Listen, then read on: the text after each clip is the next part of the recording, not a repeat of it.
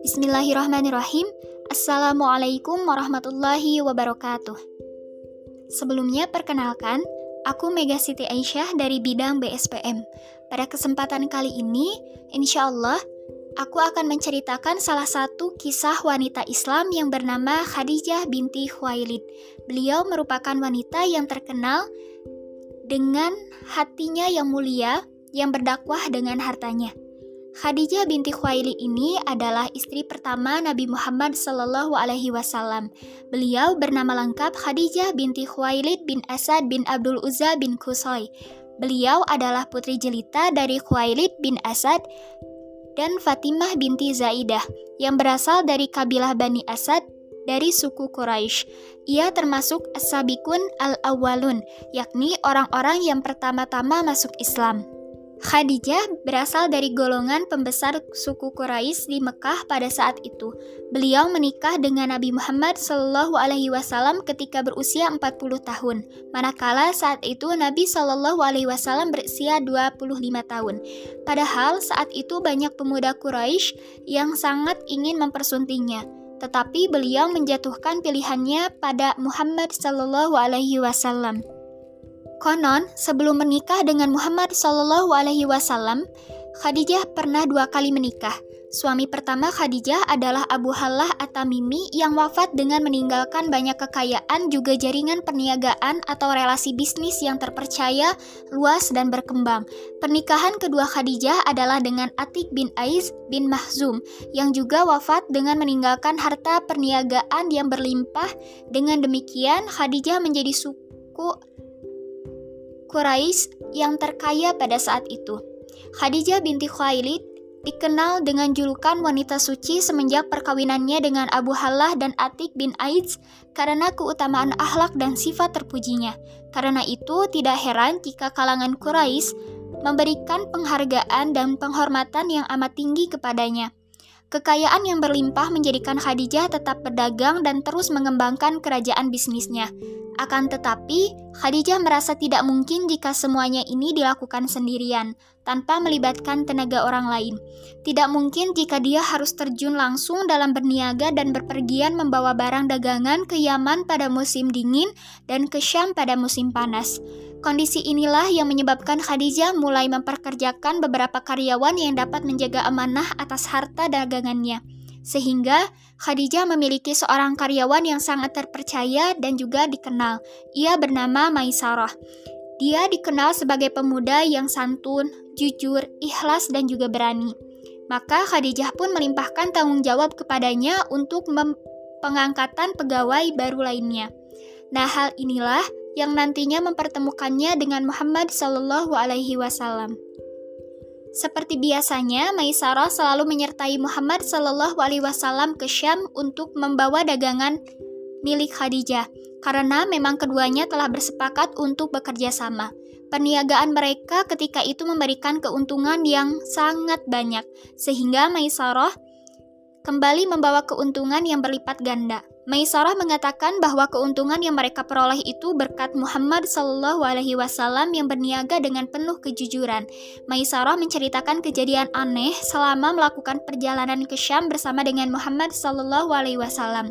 Selama perjalanan, dia melihat awan bergulung tebal yang senantiasa mengiringi Muhammad yang seolah-olah melindungi beliau dari sengatan terik matahari cerita tentang Muhammad Shallallahu Alaihi Wasallam itu meresap ke dalam jiwa Khadijah tentang kejujuran, amanah, dan cahaya yang senantiasa menerangi wajah Muhammad Shallallahu Alaihi Wasallam.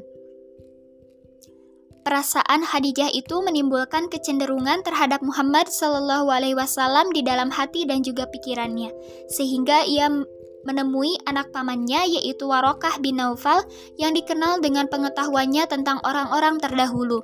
Warokah mengatakan bahwa akan muncul nabi besar yang dinanti-nantikan umat manusia dan akan mengeluarkan manusia dari kegelapan menuju cahaya. Penuturan Warokah tersebut menjadikan niat dan kecenderungan hati Khadijah terhadap Muhammad Shallallahu Alaihi Wasallam semakin bertambah, sehingga dia ingin menikah dengan Muhammad setelah itu, dia mengutus Nafisah, saudari perempuan Ya'la bin Umayyah untuk melihat, menyelidiki dan meneliti lebih jauh tentang Muhammad Wasallam. Lalu akhirnya Muhammad Wasallam pun diminta untuk menikahi Khadijah dan Muhammad Wasallam pun beserta keluarganya menyetujui permohonan Khadijah tersebut. Maka bersama pamannya Abu Talib, Muhammad pergi menemui paman Khadijah yang bernama Amru bin As'ad untuk meminang Khadijah. Kemudian terjalinlah di antara keduanya ikatan suami istri secara sah dan membahagiakan. Sejak semula Khadijah yakin bahwa suaminya akan menerima amanat Allah Subhanahu wa taala untuk seluruh alam semesta.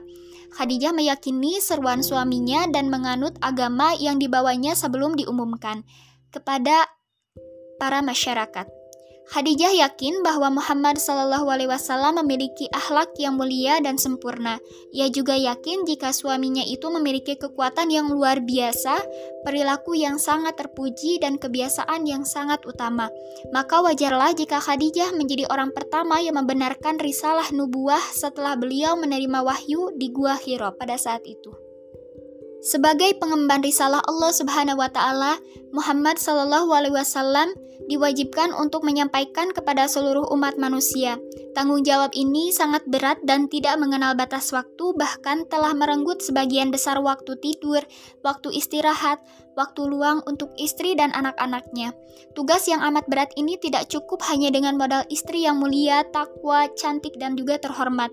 Beliau juga membutuhkan sosok istri yang memahami kewajiban dakwah dan kepentingannya. Istri yang benar-benar mengerti apa yang menjadi tugas suaminya, beban dan penderitaan berat yang harus ditanggungnya. Sesungguhnya istri solihah memiliki peran penting bagi suksesnya sebuah dakwah, sebagaimana Khadijah yang selalu berada di sisi Nabi Muhammad Shallallahu Alaihi Wasallam. Khadijah tampil mendampingi Rasulullah dengan penuh kasih sayang, cinta, dan juga kelembutan. Wajahnya senantiasa membiaskan keceriaan dan bibirnya meluncurkan kata-kata yang jujur. Setiap kegundahan yang dirasa sang suami sebab perlakuan buruk kaum Quraisy selalu ia dengarkan dengan penuh perhatian untuk kemudian memotivasi dan menguatkan hati sang suami Muhammad Shallallahu Alaihi Wasallam. Bersama sang suami, Khadijah turut menanggung kesulitan dan juga kesedihan, sehingga tidak jarang beliau harus menyembunyikan perasaan hatinya agar tidak terekspresikan pada muka dan mengganggu perasaan suaminya. Yang keluar adalah tutur kata yang lemah lembut sebagai penyejuk dan penawar hati sang suami. Siti Khadijah hanya membantu dan memperteguh tekad Nabi Muhammad Wasallam dalam menunaikan risalah dakwahnya. Misalnya saja ketika malaikat Jibril datang kepada Muhammad Wasallam untuk membawakan wahyu Allah Subhanahu Wa Taala yang merupakan pertanda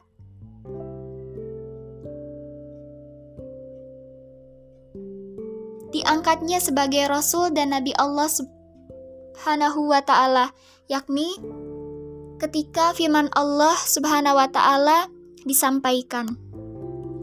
Quran Surat Al-Alaq ayat 1 sampai 5 adalah wahyu pertama yang diturunkan Allah Subhanahu wa taala kepada Nabi Muhammad wasallam.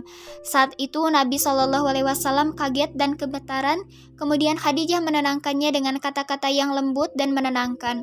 Lalu Khadijah pontang-panting ke sana kemari mencari solusi akan hal ini, hingga pada akhirnya Khadijah bertemu seorang ahli kitab Injil yang pandai berbahasa Ibrani yang bernama Warokah bin Naufal, yang tak lain adalah anak pamannya. Setelah Khadijah menceritakan kejadian yang dialami oleh suaminya, Waroka menyimpulkan bahwa yang datang kepada Muhammad Shallallahu Alaihi Wasallam adalah An-Namus, yaitu malaikat Jibril yang dulu pernah datang kepada Nabi Musa. Dan ini pertanda bahwa Nabi Muhammad Shallallahu Alaihi Wasallam adalah orang baik dan mulia pilihan Tuhan semesta alam. Mendengar penjelasan Warokah tersebut, akhirnya Khadijah pun menjadi lega dan juga tenang, dan langsung mengimaninya. Dengan demikian, Khadijah adalah orang pertama beriman dan juga masuk Islam. Setelah turun wahyu tersebut, Muhammad Shallallahu Alaihi Wasallam merasa kebingungan tentang apa yang harus dilakukannya, sebab belum ada perintah yang jelas tentang tugas-tugasnya sebagai Rasul dan juga Nabi Allah Subhanahu Wa Taala. Kondisi seperti itu berlangsung lama sampai turunnya wahyu kedua, yaitu Quran Surat Al-Mudassir ayat 1 sampai 7. Sejak turun wahyu tersebut, Muhammad Shallallahu Alaihi Wasallam melakukan dakwah secara sembunyi-sembunyi agar manusia tidak terkejut terhadap ajaran Islam yang belum pernah mereka ketahui ataupun dengar sebelumnya. Sasaran dakwah beliau secara sembunyi-sembunyi ini adalah para kerabatnya, Handai Taulan dan para sahabat-sahabat yang percaya terhadap kejujurannya. Selama kurang lebih dari tiga tahun lamanya, Muhammad Shallallahu Alaihi Wasallam menyampaikan dakwah secara sembunyi-sembunyi dan Khadijah selalu mendukung akan dakwah Nabi Shallallahu Alaihi Wasallam tersebut. Kekuatan Islam bertambah khususnya dalam bidang perekonomian. Khadijah yang merupakan saudagar yang kaya raya, sangat dermawan dan selalu mendukung perjuangan Nabi Muhammad Shallallahu Alaihi Wasallam pada saat itu. Seluruh hartanya diserahkan kepada Muhammad untuk kepentingan dakwah Islam. Setelah tiga tahun Muhammad berdakwah secara sembunyi-sembunyi, turunlah wahyu dari Allah Subhanahu Wa Taala agar beliau berdakwah secara terang-terangan. Dan hal ini dilakukan setelah turun wahyu dari Allah Subhanahu Wa Taala dalam Quran Surat Al-Hijj ayat 94. Dengan perintah Allah tersebut, mulailah Rasulullah Shallallahu Alaihi Wasallam melakukan dakwah-dakwah secara terbuka di depan orang-orang Quraisy.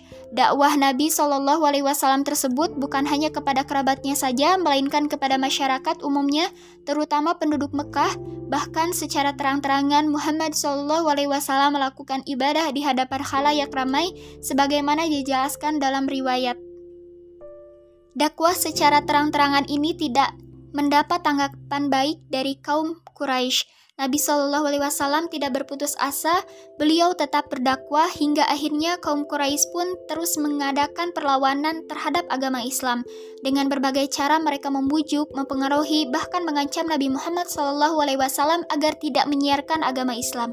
Hingga akhirnya terjadilah kegagalan kaum kafir Quraisy dalam membujuk Nabi Shallallahu Alaihi Wasallam untuk meninggalkan dakwahnya, menguatkan posisi Islam, memperkeras reaksi kaum kafir Quraisy, mereka mencoba cara baru, yaitu melumpuhkan Nabi Shallallahu Alaihi Wasallam yang berlindung kepada Bani Hashim dengan cara memboikot mereka dengan memutuskan segala bentuk hubungan dengan Bani Hashim.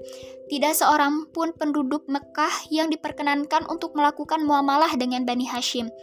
Beberapa hari setelah pemboikotan, Abu Talib jatuh sakit dan semua yang meyakini bahwa sakit kali ini merupakan akhir dari hidupnya. Abu Talib pun akhirnya meninggal dunia pada tahun itu pula. Orang-orang Quraisy sangat gembira atas kematian Abu Talib karena mereka akan lebih leluasa dalam mengintimidasi Nabi Shallallahu Alaihi Wasallam dan juga para pengikutnya. Demikian juga pada tahun yang sama, Sang istri mulia Khadijah binti Khuwailid sakit keras akibat beberapa tahun menderita kelaparan dan kehausan karena pemboikotan itu. Semakin hari kondisinya semakin memburuk sehingga dalam sakit yang tidak terlalu lama maka dalam usia 65 tahun Khadijah pun meninggal dunia. Subhanallah, begitulah peran sang, sang istri berhati mulia dan bermental baja Khadijah dalam dakwah. Dia begitu ikhlas membantu perjuangan dakwah Nabi Shallallahu Alaihi Wasallam baik dengan diri maupun dengan segenap hartanya. Semoga kisah ini dapat bermanfaat bagi kita semua. Sekian dan terima kasih.